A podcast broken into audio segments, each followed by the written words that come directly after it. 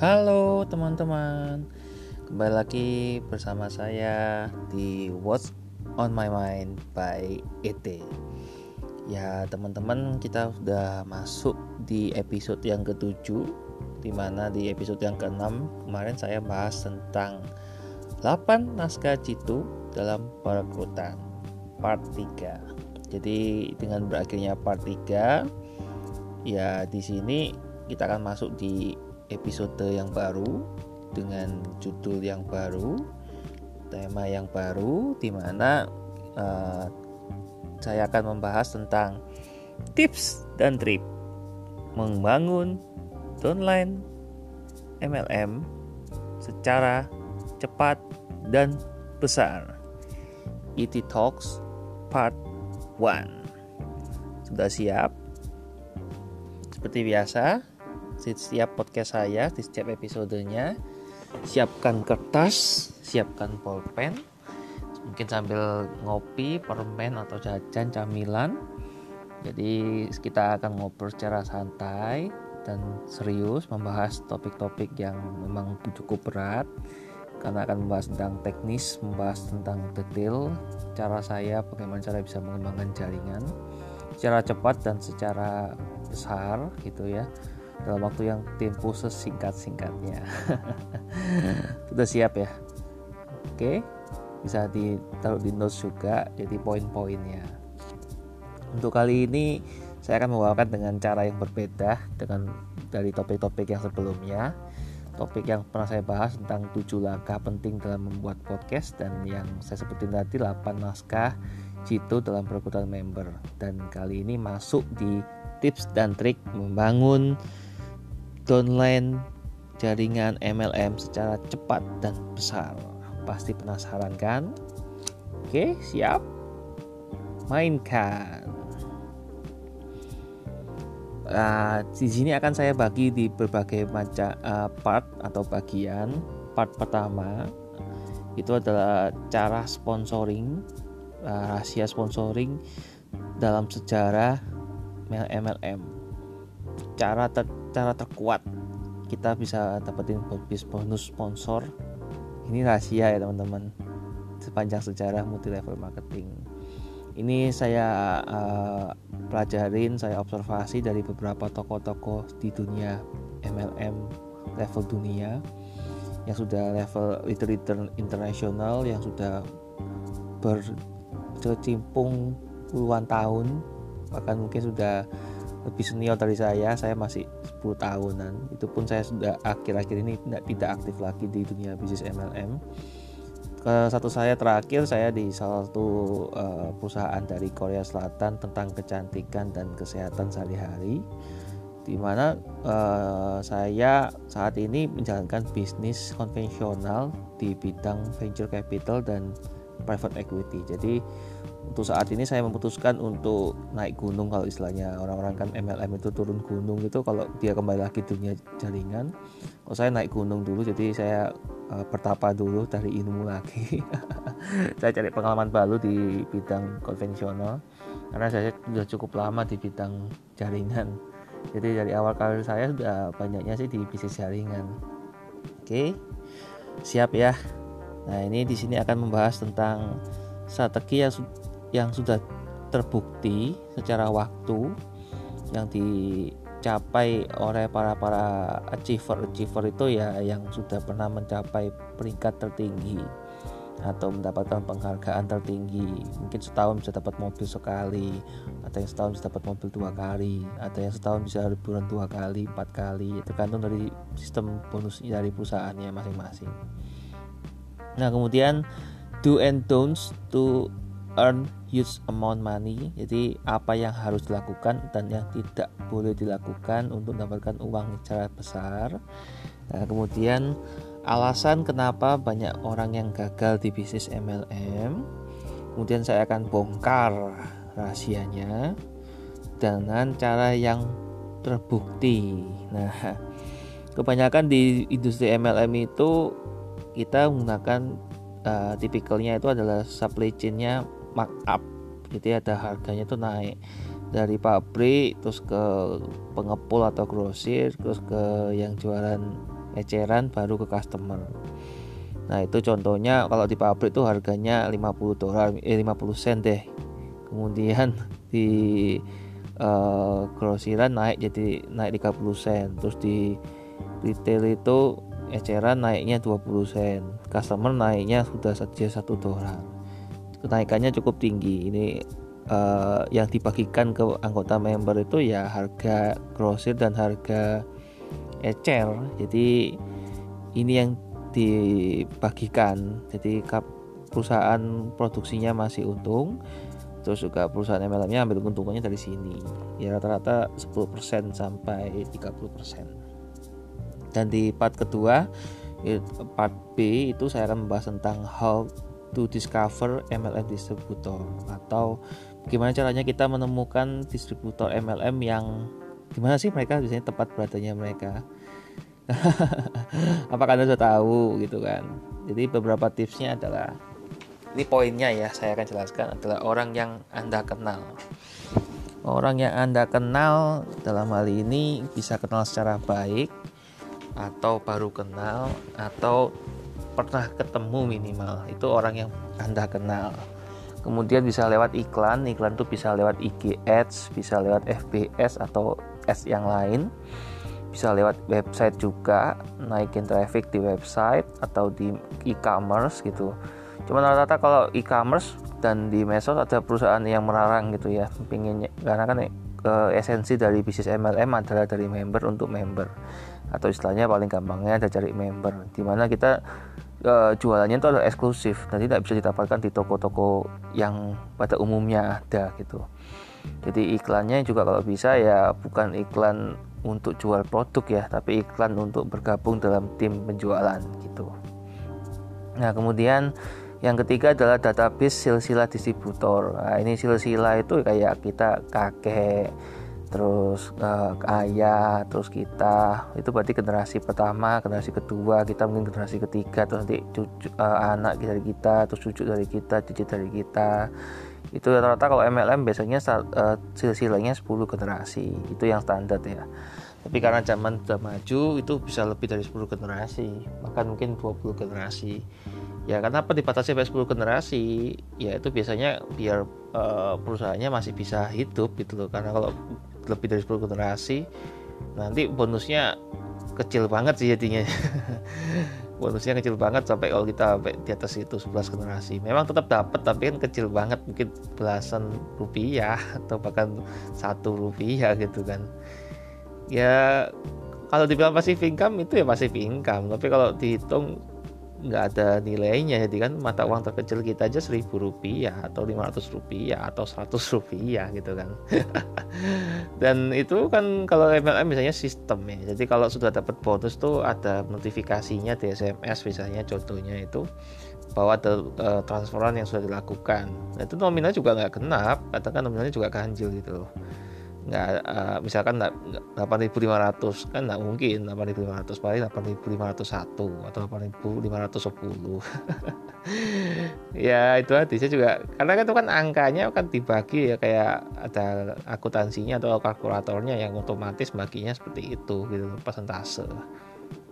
Biasanya yang umumnya itu ya 10% terus mengecil jadi 5% mengecil 3% 2% 1% ada yang 0, sekian persen. Ya kembali lagi ya itu kan tetap pasif income ya kan? Kita kan kita tidak bekerja dalam hal ini tidak bekerja secara langsung tapi kan kita bekerja secara tidak langsung.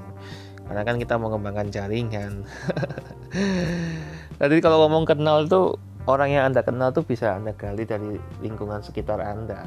Lingkungan sekitar anda dari teman SD teman SMP teman SMA teman kuliah teman kerja. Tapi kalau kerja hati-hati ya teman-teman jangan uh, jangan yang gak kenal baik lah. Jadi takutnya nanti mengganggu pekerjaan nanti teman-teman malah dipecat dari pekerjaan gitu uh, kemudian teman bisnis gitu kan. Ya kita kan bisnis kan bisa macam-macam ya. Ada yang satu orang satu bisnis ada yang bisa punya banyak bisnis. Nah itu arti terus ada teman SMA teman teman gereja teman lingkungan komunitas teman partai misalkan orang politik gitu kan. Terus teman nongkrong teman seneng seneng teman happy happy teman teman yang sedih-sedih juga ada. Keluarga keluarganya teman sahabatnya sahabat apa pun itu ya. Banyak lah kok dibilang kenal kan pasti teman-teman punya teman-teman yang sudah dikenal cukup lama yang sudah trust atau percaya yang sudah tahu prosesnya teman-teman seperti apa. Oh ya khusus untuk episode kali ini uh, saya nyoba untuk tanpa skrip. Jadi kan saya sudah saya sampaikan tadi caranya berbeda. Saya akan menyampaikan dengan cara berbeda. Ini tentunya lebih berat dari yang sebelumnya karena uh, saya menjelaskan dari ebook yang saya tulis tentang ways to establish a huge and ke huge and big acute quick and huge multi level atau the lines. Itu bahasa Inggris tapi itu hanya judulnya karena isinya dalam bahasa Indonesia. Ini yang membuat berbeda jadi saya keterampilan saya dalam berpikir untuk mengelola uh, poin-poin yang saya sudah sampaikan di ebook itu saya jabarkan yang tidak ada sebelumnya di episode-episode uh, yang sudah pernah saya episode yang sudah pernah saya rilis gitu. Jadi kalau ada yang saya koreksi misalkan dalam bahasa Inggris ke Indonesia ya saya sambil ngobrol sambil translate. Karena istilahnya ini pengalaman baru. Saya sukanya tantangan saya sukanya eksperimen. Jadi saya suka tantangan ya ini ya caranya maksudnya materi yang saya tulis ini sudah lama nggak saya bawakan. Jadi mungkin agak kaku mungkin agak bingung agak lupa gitu loh. Karena kan sudah saya juga juga cukup lama tahun lalu apa dua tahun yang lalu saya terakhir aktif di bisnis jaringan. Jadi saya juga tidak terlalu update dengan bisnis jaringan yang ada sekarang. Banyak merek-merek yang nawarin saya untuk gabung untuk aktif lagi. Saya masih putuskan untuk belum belum saatnya gitu loh karena saya sudah agak nyaman ini bisnis baru saya ini. Saya di venture capital dan private equity. Nah itu kalau teman-teman pengen tahu nanti saya di akhir akan jelaskan di episode uh, meso saya. Di akhir episode saya jelaskan meso saya. Teman-teman bisa lihat sendiri di meso saya postingan saya tentang bisnis saya gitu. Kemudian poin keempat yakni database distributor MLM yang spesifik. Ini yang luar biasa. Kalau tadi kan silsila ya yang urut mungkin dari MLM sebelumnya atau di bisnis MLM yang sedang dijalani itu diurut dari pohon generasi kalau misalnya itu kenalnya itu tahunya orang-orang. Pohon jaringan lah. Nah yang keempat ini database distributor MLM yang spesifik. Nah kalau ngomongin spesifik itu spesifik umurnya, spesifik usia uh, cowok atau cewek, spesifik hobinya, spesifik uh, ini apa namanya minat dan pak minatnya dia apa, misalkan uh, dia di kesehatan, terus spesifik juga pemasukan dan pengeluarannya mereka. Ini kembali lagi tergantung dari data yang teman-teman kolek ya. Kolek itu berarti kita uh, kita lakukan pro background profile atau profiling gitu, kita riset tentang mereka kita lihat aktivitasnya mereka setahun liburan berapa kali. Kan banyak kan orang postingan di Facebook di IG gitu kan.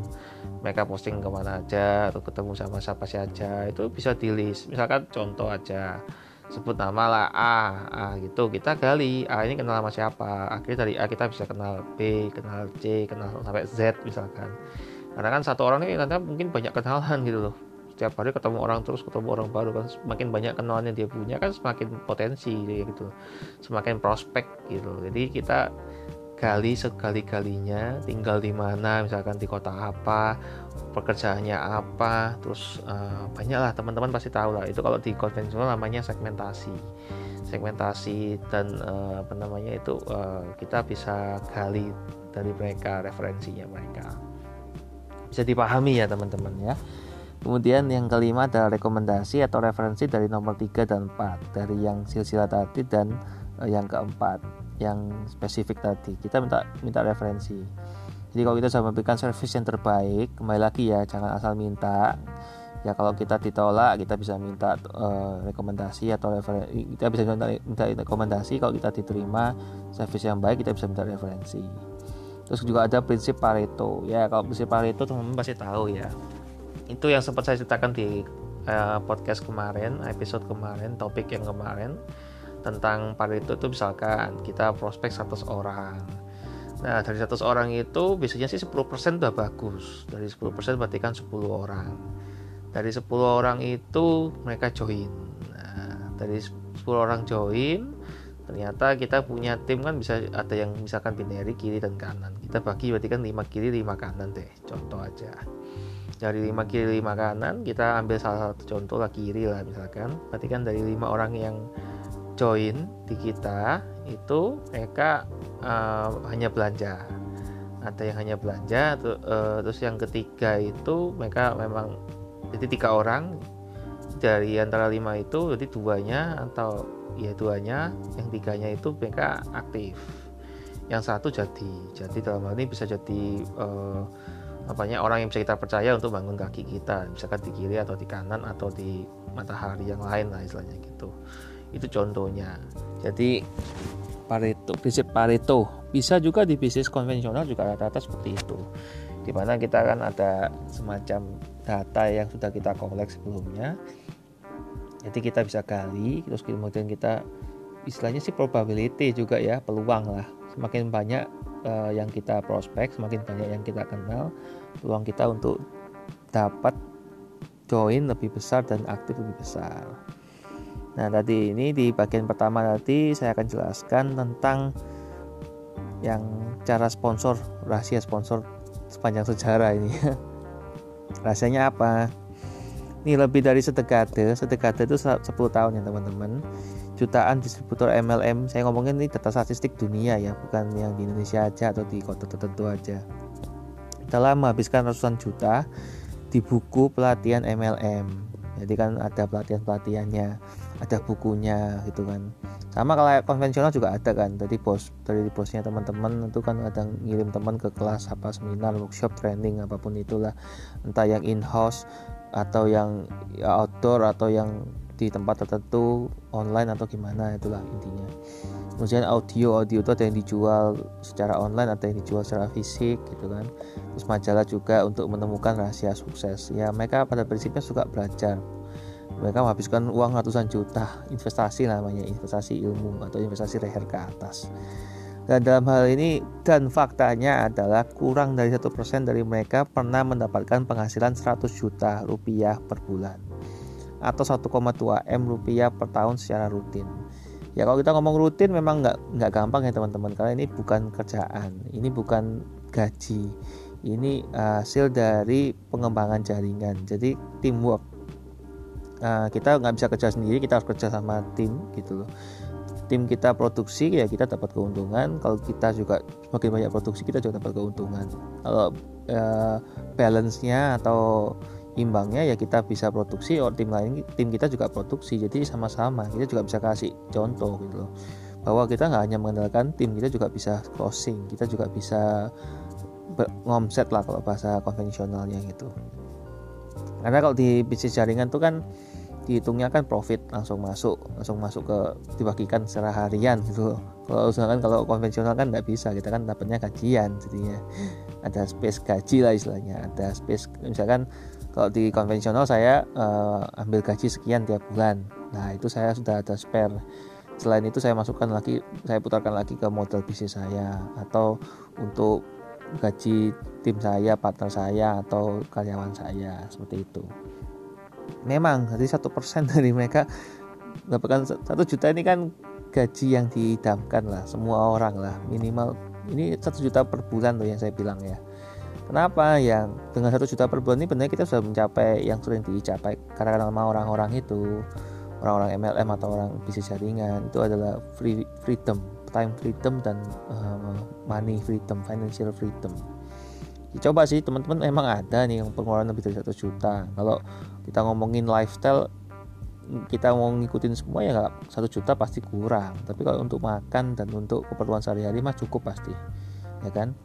Bahkan rumah rumah mewah ini nggak bukan rumah biasa gitu loh. Kadang rumah biasa kan cicilannya ada yang 7 juta per bulannya ada yang satu juta. Ya tergantung kan tinggalnya di daerah mana. Kembali lagi jangan maksa lah kalau belanja belanja, maksudnya beli rumah yang mewah atau gitu. Pastikan sesuai dengan budget sesuai dengan kantong juga. Kalau saya sih sederhana ya jadi rumah ya rumah yang ada aja rumah sederhana. Kalau uh, mobil ya saya lebih suka naik kendaraan uh, commuting gitu jadi kendaraan umum gitu. Karena apa ya terus kayak di Singapura tuh malah kendaraan-kendaraan pribadi malah dibatasin gitu. Maksudnya apa ya pajaknya mahal terus juga ya mahal banget lah harganya juga dalam hal ini kalau teman-teman ada budget ada anggaran untuk bisa mengikuti lifestyle ya monggo. Kalau saya sih nggak terlalu ngikutin lifestyle ya. Saya lebih suka ke arah investasi. Karena saya putarkan modal bis, uh, uang yang saya dapatkan dari MLM itu saya putarkan lagi ke bisnis. Dalam hal ini bisnis MLM itu juga sendiri. Saya punya kayak semacam kantong-kantong gitu loh kantong kalau saya dapatkan ini dari kantong properti ya saya putarkan di bisnis properti saya. Kalau saya dapatkan dari kantong asuransi misalkan saya jalankan bisnis asuransi saya putarkan lagi kembali lagi ke tim saya asuransi. MLM juga sama. Kebetulan saya bergerak di bidang ini tiga bidang ini di freelance ini. Itu juga di entertain juga saya dari bisnis entertain saya juga saya putarkan di entertain. Itu satu prinsip saya. Sama kayak di bisnis yang saya sedang lakukan ini uh, saya dapatkan dari sini saya putarkan lagi ke sini. Dan hal ini saya masih berjuang karena saya tertarik banget untuk bisa mengembangkan bisnis venture capital dan private equity ini di Indonesia. Di Indonesia sudah cukup banyak sih sebenarnya venture capital bahkan bank-bank pun juga sudah mulai bikin venture capital sendiri. Tapi uh, saya tertariknya ya di konsep yang ditawarkan oleh partner saya ini yang sedang saya kembangkan di mana ya harapannya saya bisa membantu banyak ekonomi Indonesia. Kalau yang sebelumnya kan saya hanya untuk pribadi lah ya sekarang saya ingin lebih banyak kontribusi untuk warga untuk masyarakat. Dan di sini ngomongin 1,2 m rupiah per tahun sebenarnya sudah cukup. Bahkan bisa katakan lebih dari cukup untuk tinggal di Indonesia ya teman-teman. Kalau tinggal di luar negeri mah beda pasti karena kursnya beda. Kalau tinggal di Indonesia dengan penghasilan segini mas sudah kayak artis-artis gitu loh. Udah kayak profesi yang yang pembayar uh, bayarnya tinggi-tinggi gitu loh atau makan mungkin level manajemen top gitu yang direktur atau gaji direktur atau gaji uh, komisaris gitu kan. Dapatnya satu juta per bulan. Gitu. Kemudian pertanyaannya adalah mengapa lebih dari 99% distributor MLM gagal? Ayo coba jawab.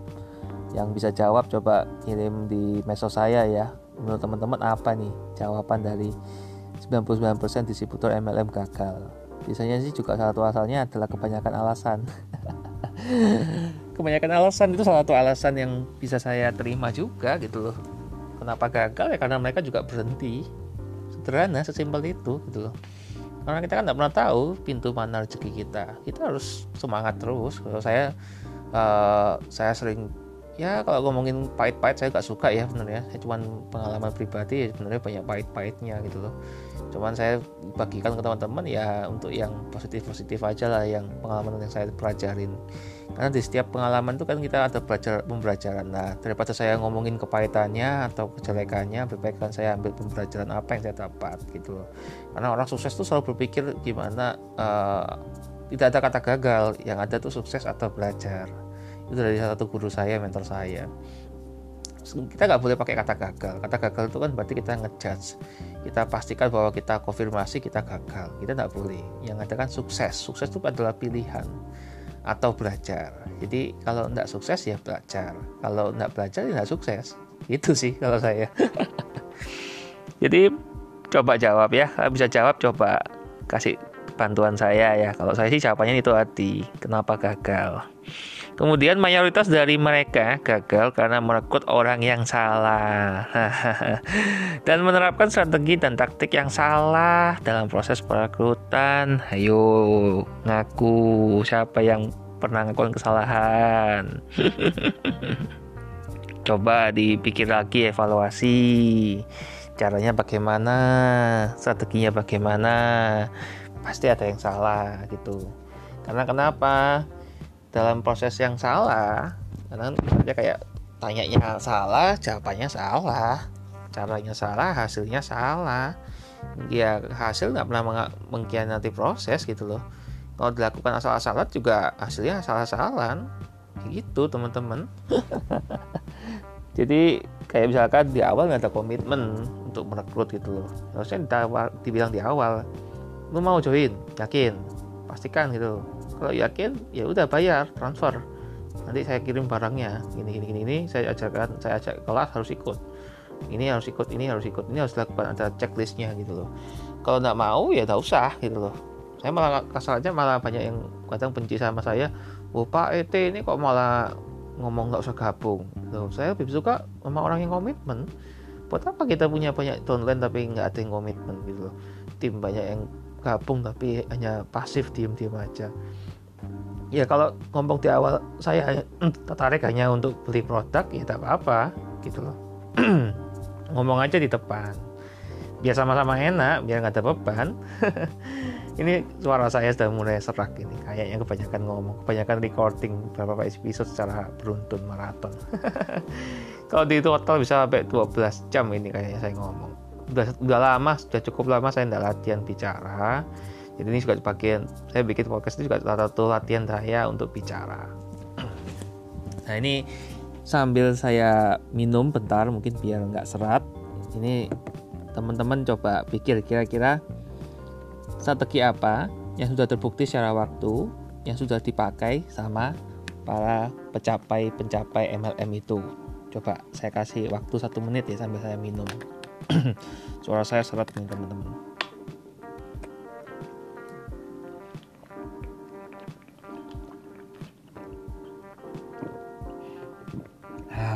lega sedikit lega Oke, sudah? Sudah dipikir? Coba nanti dijawab ya. Strategi apa yang kira-kira yang dilakukan oleh mereka? Atau mungkin Anda yang sudah pernah mencapai gitu kan. Boleh sharing-sharing bagi pengalaman, bagi ilmu ya. Di medsos saya, seperti biasa nanti di akhir episode saya akan sebut episode uh, medsos-medsos saya apa aja. Di situ teman-teman bisa sharing nanti. Pertanyaannya nanti adalah strategi yang sudah terbukti secara waktu. Strategi itu apa? dilakukan pertama berhasil. Itu berarti kan kalau dibilang keuntung ya hoki lah istilahnya. Bahasa jenisnya itu hoki. Hoki itu beruntung. Kalau yang kedua cami cami itu maksudnya apa ya? Wah udah proven nih sudah sedikit terbukti. Jadi tapi kalau sudah tiga dan lebih dan seterusnya berhasil terus ya itu baru.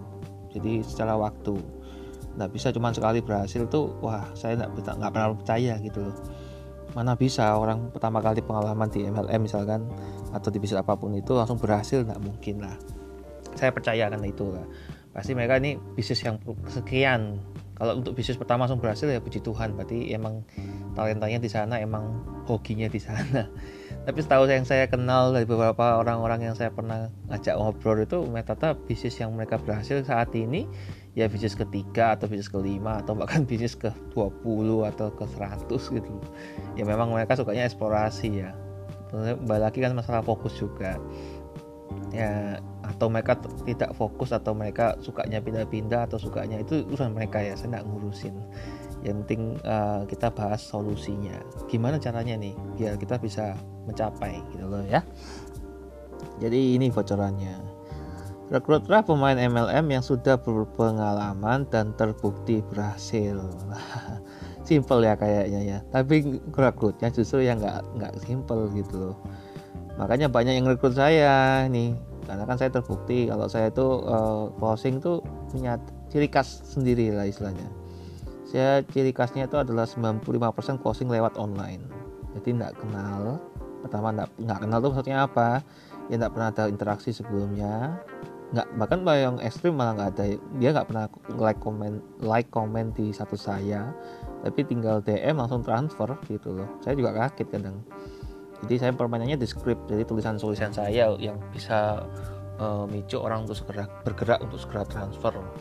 Karena saya juga memberikan benefit misalkan mereka bergabung saat ini juga saya kasih ebook tulisan saya saya kasih podcast saya ini saya kasih tips dan trik langsung terbukti langsung praktek langsung saya dampingi langsung saya bantu closingin untuk pertama langsung pecah telur kalau istilahnya kayak gitu. Jadi banyak yang buru cepet-cepetan jadinya. Karena saya batasin hanya beberapa orang. Kan kita kalau misalkan binary ya cuma dua orang. Saya bilang aja saya hanya butuh dua orang partner. Sisanya ya teman-teman yang harus kembangkan kan kita duplikasi gitu loh saya hanya fokus ke dua orang. Udah nanti mereka yang fokus ke dua orang. Semua orang masing-masing fokus ke dua orang. Kiri dan kanan kiri dan kanan. Semua seperti itu sistemnya. Contoh itu kalau binary kalau matahari ya saya hanya fokus ke beberapa orang. Saya pernah dengar katanya kita satu orang manusia itu hanya bisa maksimal tujuh orang. Yang kita bisa secara langsung kita monitoring ya. Kita kalau misalnya controlling kan kesannya kasar banget. Ya, controlling itu benar kita juga melakukan kontrol ya self control juga gitu loh. Kita nggak harus kan tidak mudah teman-teman meluangkan waktu gitu loh. Ibaratnya satu orang satu jam bisa tujuh jam sehari. Terus kita hari setiap hari seperti itu komunikasi kan tidak mungkin tuh sama aja bohong gitu loh. Kita kita emang nggak kerja gitu. Apakah kerja kita hanya telepon mereka hanya komunikasi dengan mereka? Apakah mereka nggak ada kerjaan lain? Ayo coba bayangkan. 24 orang. Aduh lebih gila lagi kita kerja 24 jam. Ini saya recording dari jam 9 malam sampai sekarang ini posisi jam 2 pagi subuh aja saya ngoceh terus kayak gini sudah mulai seret nih sampai minum nanti ini pertama kalinya kan saya lagi recording tuh sambil minum. Nggak apa-apa sih saya sempat dengar beberapa podcaster juga ada keselak atau kecapean nafasnya habis gitu. Akhirnya minum dulu ke toilet dulu bahkan sambil didengerin orang-orang kan atau yang lalu lalang lah atau apa. Ya asik lah gitu aja gitu. Ya sekali boleh lah. Bukan berarti kan kita kaku-kaku banget terus berat-berat banget pembahasannya kan. Oke okay? ngerti ya. Jadi rekrut yang sudah berpengalaman dan terbukti berhasil. Jangan yang cuman uh, join uh, di setiap MLM ada dan nggak ada berhasilnya cuma join doang gitu ya. Cari yang sudah pengalaman mungkin yang integritasnya tinggi yang sudah loyal di perusahaan yang lama misalkan bertahun-tahun dan memang berhasil terus akhirnya dia memang cari peluang baru atau yang bisa pakai bisa pakai fokus gitu. Ya nggak apa-apa gitu. Ngomong aja sama dia gimana? Udah udah lowong atau belum? Ya, kayak kayak orang lamaran pekerjaan lah sama lah. Ya mereka masih bekerja di perusahaan yang lama ya jangan ditarik gitu loh hijack kan istilahnya. Ya bilang aja gimana? Udah dingin atau masih panas? Gitu. Kalau saya sih gitu. Kalau masih masih panas ya sana lakuin aja dulu lanjutin aja dulu. Karena kan kita tanggung jawab sama timnya gitu loh. Kan nggak mungkin kita kita niatnya untuk kita sendiri gitu loh. Ayo kamu gabung sama aku biar timmu masuk gabung timku kan enggak ya kadang juga kadang saya punya prinsip juga setiap jaringan saya yang saya bangun saya bentuk tim baru. Kenapa? Saya tidak mau ganggu tim saya di tempat yang lama. Ya kembali lagi kalau mereka mau gabung monggo. Tapi saya nggak pernah nawarin mereka gitu loh baca aja sendiri saya posting apa kalau mau gabung ya monggo gitu loh. Mau jadi awal-awal ya monggo. Saya nggak pernah pastikan harus gabung harus ini militer atau gimana enggak silahkan pilih sendiri gitu loh. Saya memberikan penawaran kalau mau ya ambil kalau enggak ya tinggalkan. Simple kan nggak perlu ribet gitu loh. Jadi kebanyakan orang kan kesannya kalau dengerin orang MLM itu kan dikejar-kejar terus gitu loh. Dikejar tiap hari diteleponin dan jangan diteror lah teman-teman kasihan lah gitu loh. Pakai cara yang elegan lah. Saya sendiri jarang lah. Pernah ya pernah lah. Kita kan juga pasti nambah pengalaman dari situ. Dalam hal ini ya mana sih yang terbukti berhasil? Saya sudah lakukan dulu. Saya tinggal ngelukus satu orang yang dia punya jaringan ribuan udah langsung nambah saya punya jaringan sudah langsung seribu misalkan. Makanya tadi kan saya sempat bilang ini kan cara cepat dan cara besar gitu. Ini saya banyak satu orang senilai seribu orang gitu loh. Dan seribu orangnya ini loyal bisa kali sekian faktor kali gitu loh. Faktor kali dan faktor eksponensial. Wah, itu pangkat N itu luar biasa. Di dunia PMLM nggak ada satu tambah satu sama dengan dua misalkan satu tiap satu tuh kiri satu di kanan itu sama dengan dua orang. Enggak. Bisa seribu bisa dua ribu bisa sepuluh ribu.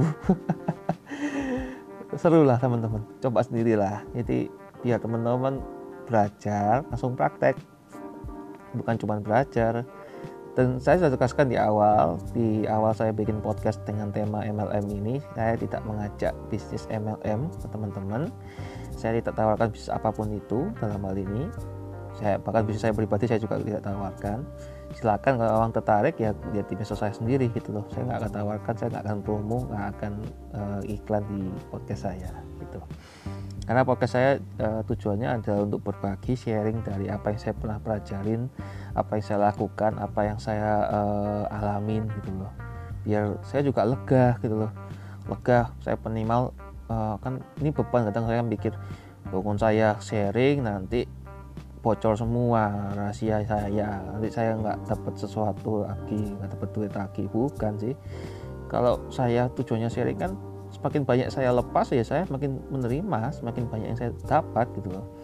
Saya dapat feedback juga dari beberapa teman yang mungkin menghubungi saya lewat medsos. Terima kasih Pak Ete atas informasinya atas tips dan triknya atas ya pokes-pokes saya mana yang bermanfaat bagi saya itu juga termasuk doa teman-teman. Jadi saya hidup di dunia itu bermanfaat dan berdampak bagi orang lain. Karena kalau kita hidup hanya untuk kita sendiri ya sampai kapan teman-teman? Kita mau cari harta harta berapa sih yang bisa memuasin kita gitu loh. Warisan ya seadanya ya cukup lah ada warisan yang istilah gitu.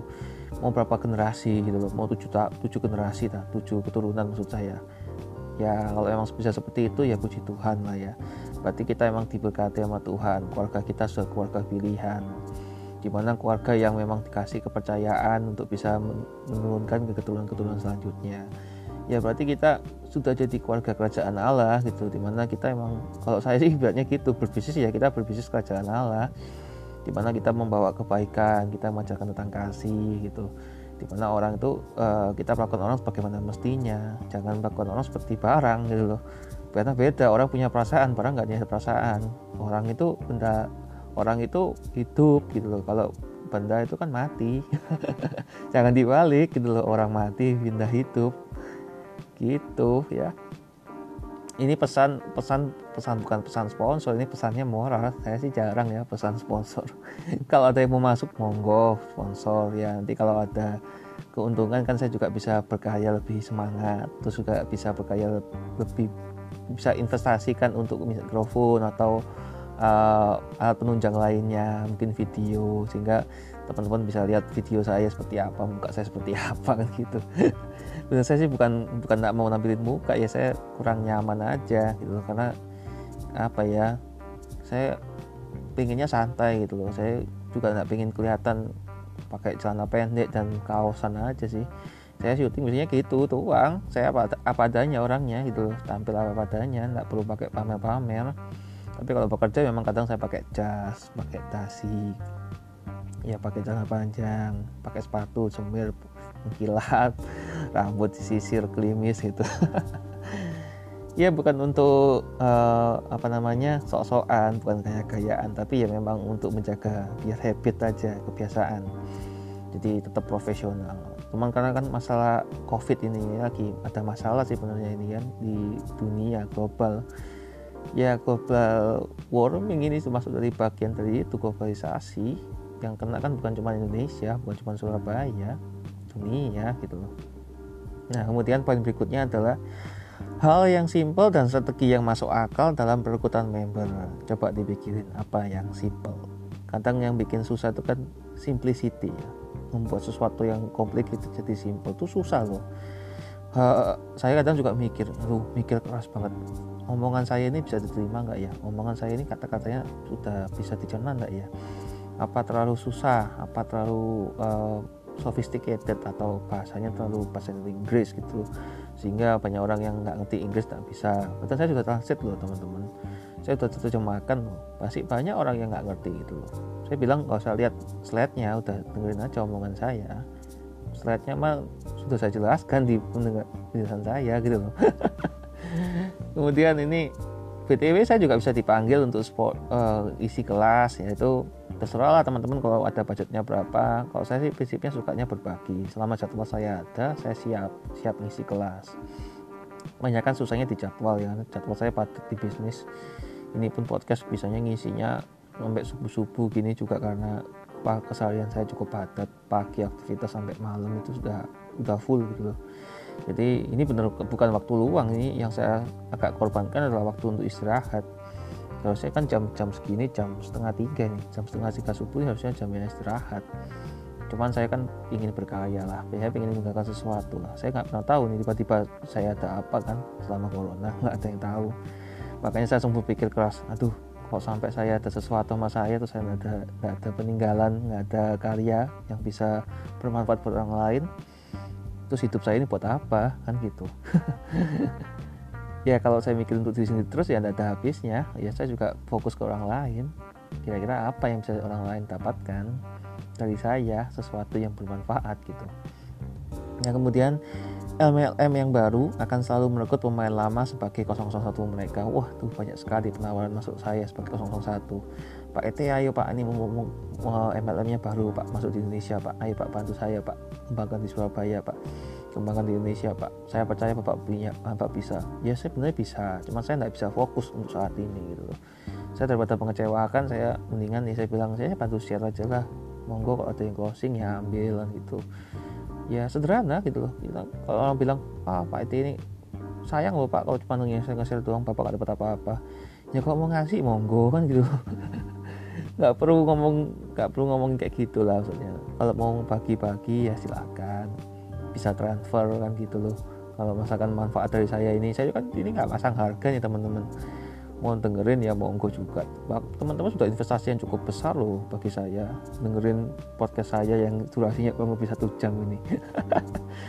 Luar biasa loh itu investasi yang paling mahal loh. Coba mana ada sih orang yang rekaman setiap episodenya satu jam kayak gini.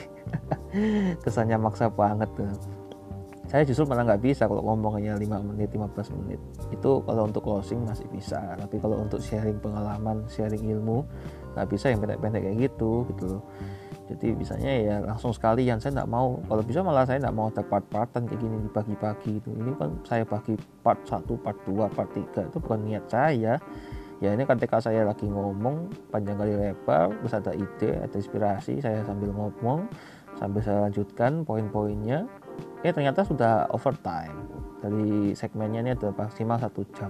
Saya juga melihat jangan lebih dari satu jam lah untuk satu episode. Nah, siapa sih yang mau dengerin? Gitu. Kalau mau teman-teman dengerin sampai ini ini menit 41 ini itu, itu sudah luar biasa. Apalagi nonton dengerin sampai akhir. Kadang ya kalau mau dicepetin juga monggo. Mau dilambatin mau dibalikin lagi rewind juga silakan. Kalau saya punya prinsip sekali take jadi uh, sekali ngambil aja nggak diulang-ulang nggak diedit-edit biar kesannya natural jadi apa adanya aja. Apa yang terlintas langsung teman-teman dengarkan. Nggak ada gimmick nggak ada aneh-aneh gitu. Nah kemudian teman-teman juga bisa amati tiru modifikasi strategi mereka dalam merekrut ring pertama mereka. Nah itu ring pertama itu biasanya orang-orang pertama orang-orang yang sudah sering berjuang bersama mereka. Tim inti lah istilahnya. Kalau di bisnis namanya core core team core business gitu loh jadi eh, di mana mereka sudah sangat percaya saling saling percaya juga saling support terus juga sudah saling menutupi kelemahan masing-masing saling melengkapi kelebihan masing-masing. Nah kemudian poin berikutnya adalah anda meningkatkan peluang keberhasilan anda di MLM jika anda berhasil merekrut pemain dan achiever MLM dalam tim anda yang berdedikasi, berintegritas, berkarakter kuat, dan berkomitmen dalam menjalankan bisnis MLM. Nah itu arti kuncinya teman-teman ya.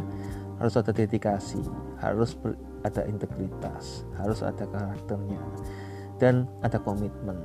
Kalau enggak ada komitmen, makanya saya bilang di awal, kadang kalau dibilang Pak Ede ini terlalu keras ini, susah apa kaku banget, bukan kaku ya teman-teman. Ini semacam SOP kalau di bisnis konvensional. Kayak Yuan kalau mau ambil. Kalau enggak tinggalkan. Wah kesannya kayak MLM banget gitu. Kesannya kasar banget saya bilang kalau anda mau berhasil saya bantu. Kalau enggak tinggalkan. Udah kalau usah kata-katain saya juga urusin kerjaan anda urusin hidup anda. Ya kan? Capek kan kita kalau gitu-gitu terus. Kita nanggapin respon mereka tanggap-tanggapan. Ya kita buang waktu jadinya. Ngapain kita ngurusin orang lain? Kita ada urusan yang lebih penting gitu loh. Jadi itu tadi ya, di kabar jadi ada yang kabar menarik itu. 11 cara untuk menjalankan bisnis marketing MLM secara seperti kita ada gerombolan uh, kepercayaan karena kan ada beberapa figur yang sangat melekat jadi sangat loyal sudah seperti kayak ya bapaknya sendiri atau ya orang ini ngomong apa langsung diambil orang ini salah apa langsung disikat istilahnya gitu Nah ini saya akan masuk ke poin do and don't to earn huge amount money. Apa yang harus dilakukan dan apa yang tidak boleh dilakukan. Poinnya adalah faktanya adalah distributor MLM lebih banyak kehilangan uang. kehilangan uang daripada mendapatkan uang dari industri MLM yang mereka geluti. Ya iya dong nanti kan saya sempat bilang di awal nanti statistiknya berbicara bahwa mereka investasi di produk pertama pasti investasi di produk. Investasi di waktu itu juga kehilangan uang. Ya kan waktu adalah uang. Nah, bagi saya juga gitu. Teman-teman minta minta uang saya saya mungkin masih bisa kasih. Tapi kalau minta waktu saya saya masih belum bisa kasih. Atau malah kebalik ini saya masih bisa ngasih waktu bisa nggak bisa ngasih uang bukan karena pelit ya teman-teman. Teman kalau dikasih terus orang nggak nggak semangat orang malah nggak kerja. Kita malah ngajarin orang itu biar males cuma jadi mental peminta-minta. Ya lebih baik ya kalau mau kerja saya ajarin. Saya kasih kailnya. Teman sendiri yang mancing ya. Jangan saya kasih ikannya. Sekali kenyang tapi berikutnya mati. Kan konyol. Ya iya kehilangan uang ya pastilah. Karena kan ada ongkos perjalanan misalkan road trip bisnis ke kota ini ke pulau ini ke negara ini ada harga yang harus dibayar kan? Pasti dong. Terus kadang malah juga belum balik modal. Kadang saya juga ada yang belum balik modal ada yang saya balikin modalnya. Ada yang saya udah untung ya tetap ya ibaratnya yang ini untung yang ini masih rugi yang ini belum balik modal. Ya itu tadi saya catat juga.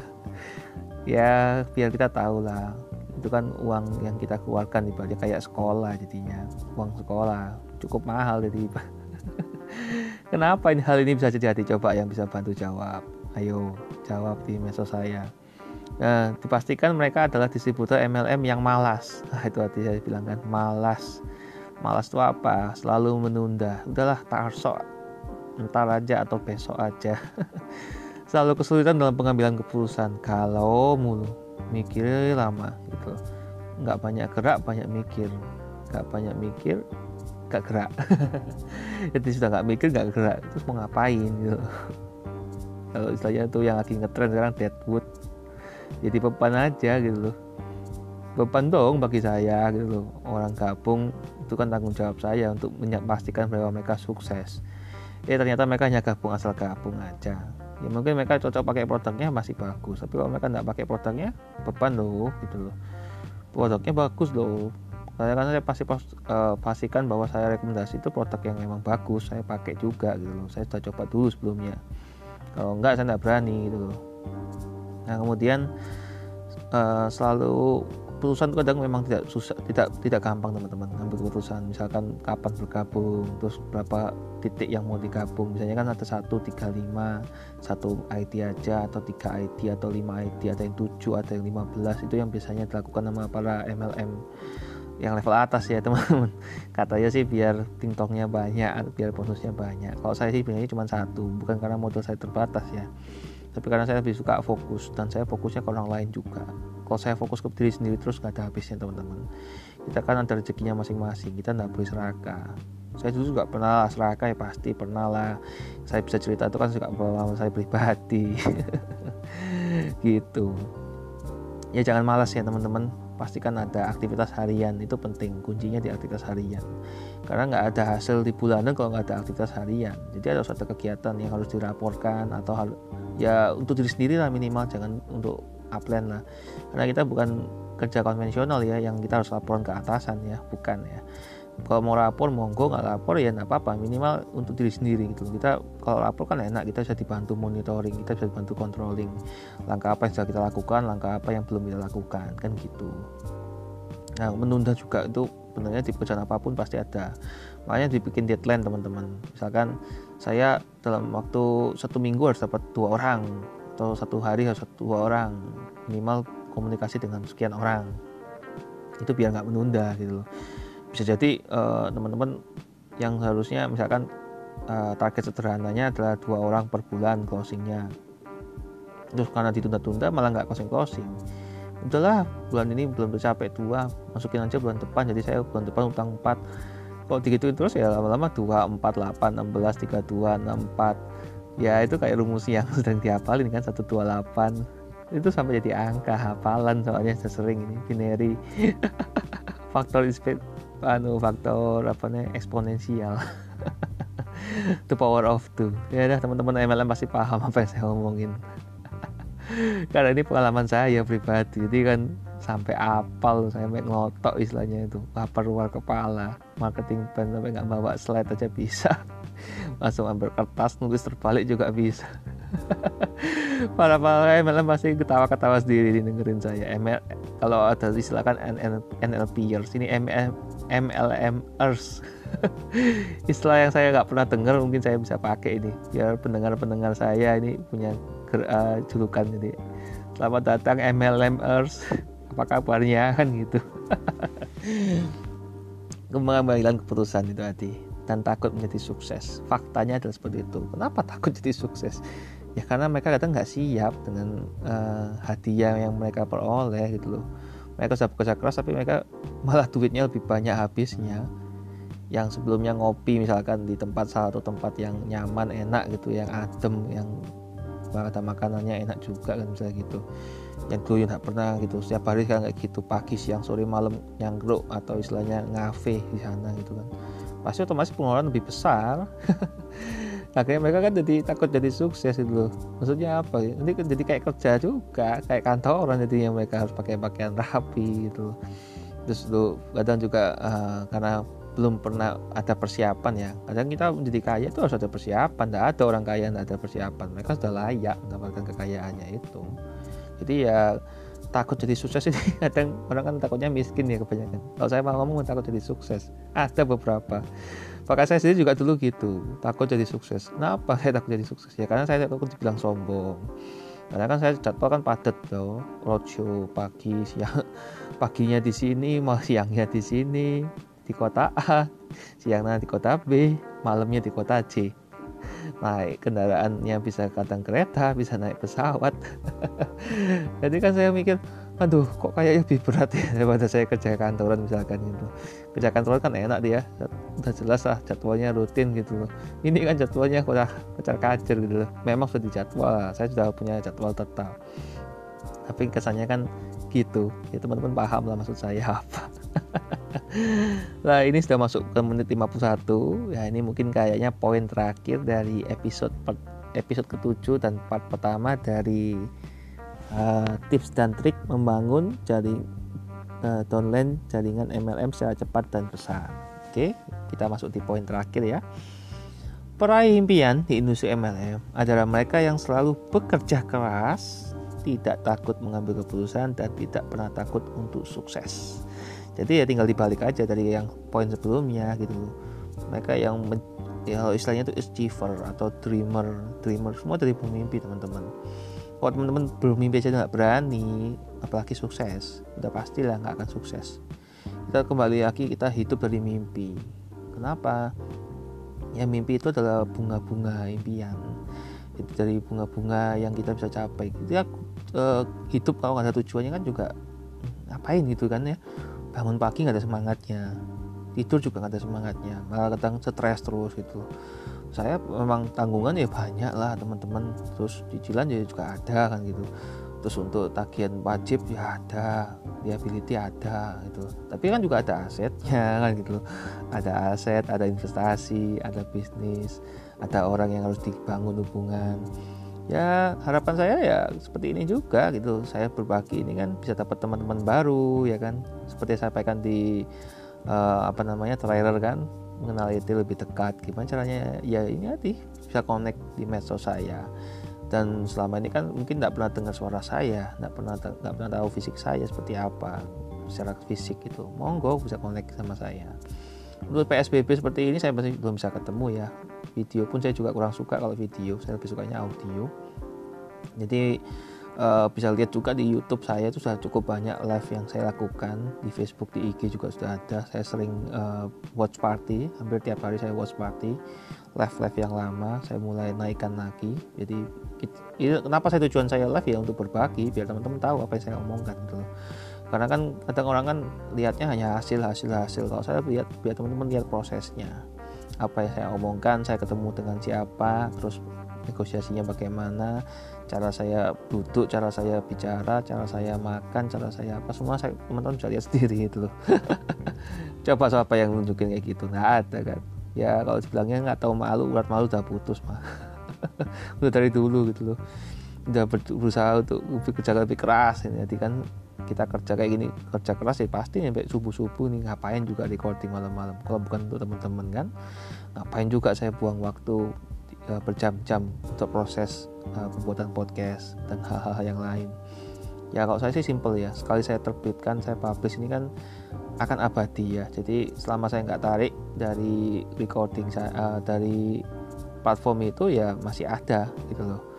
Jadi selama juga nggak dihapus sama dari servernya selama servernya nggak hilang juga masih ada. Bahkan di HP saya juga masih ada filenya gitu kan itu bisa jadi karya saya bisa jadi uh, semacam kontribusi saya juga untuk masyarakat luas dan yang khususnya MLMers MLMers ya ya ya ya dan kembali lagi ini sudah masuk menit ke 55 sudah ada peringatan. Jadi seperti biasa teman-teman follow medsos saya Facebook saya Instagram Instagram terus di Line di Twitter di podcast podcast ini podcast What's on My Mind by ET YouTube juga ada. Dan sebagai closing ya itu tadi bukan bukan gitu. Bukan mesos saya. Ya teman-teman tahu lah apa itu. Tagline-nya apa coba diulang. Boleh dong masukin di IG story gitu kalau emang bermanfaat boleh dong masukin di Facebook postingan tag saya mention saya gitu. Boleh juga di mention di tag di LinkedIn. Saya sangat aktif di LinkedIn. Kebetulan cukup viral jadi uh, lebih sering saya akses daripada medsos yang lain platform yang lain. Boleh juga untuk di Twitter lah sekali-sekali mention lah. Mention tagline saya ini yang sering teman-teman dengerin di akhir gitu masih tahu dong terus sapa saya di WA gitu. Halo mas. You know my name not my story. Wah. Jadi kan saya tahu oh ternyata pendengar podcast saya. Soalnya kenapa? Saya tidak sebutin ini tempat lain. Ya saya pasang di about di linkin saya you know my name not my story et gitu. Tapi kan saya jarang sebut saya jarang ulang-ulang. Kalau dibaca ya syukur nggak dibaca ya berarti memang nggak dibaca. Oke itu aja ya. Salam salut. Selamat pagi selamat siang selamat sore selamat malam. Selamat hari Minggu, selamat hari Senin, selamat hari Selasa, selamat hari Rabu, selamat hari Kamis, selamat hari Jumat, selamat hari Sabtu. Kenapa saya ucapkan selamat? Ya itu sebagai bentuk ucapan terima kasih saya bagi teman-teman yang sudah meluangkan waktunya kurang lebih satu jam ya, mendengarkan podcast saya di setiap episodenya di setiap part-partnya. Kalau ada kritik dan saran bisa dihubungi tadi di medsos saya atau topiknya. Mas durasinya panjang banget mas. Setiap episode satu jam. Uh, capek dengerin. Kan benernya bisa dipause teman-teman. Kalau di pas proses recording pausnya lebih susah daripada pas proses listening gitu loh. Ya gitu. Bahkan bisa dicepetin bisa di, di back. Misalkan ada yang kecepatan saya ngomong bisa diulangi lagi biar didengerin baik-baik. Saya sih berusaha artikulasi saya jelas gitu loh. Saya juga berusaha yang seadanya aja sih memang alat, eh, alat yang ada. Oke itu aja buat malam ini sore ini subuh ini atau kapan pun teman-teman dengar tetap semangat ya tetap di rumah aja. Stay at home work from home. Oke okay, see you. God bless you thank you.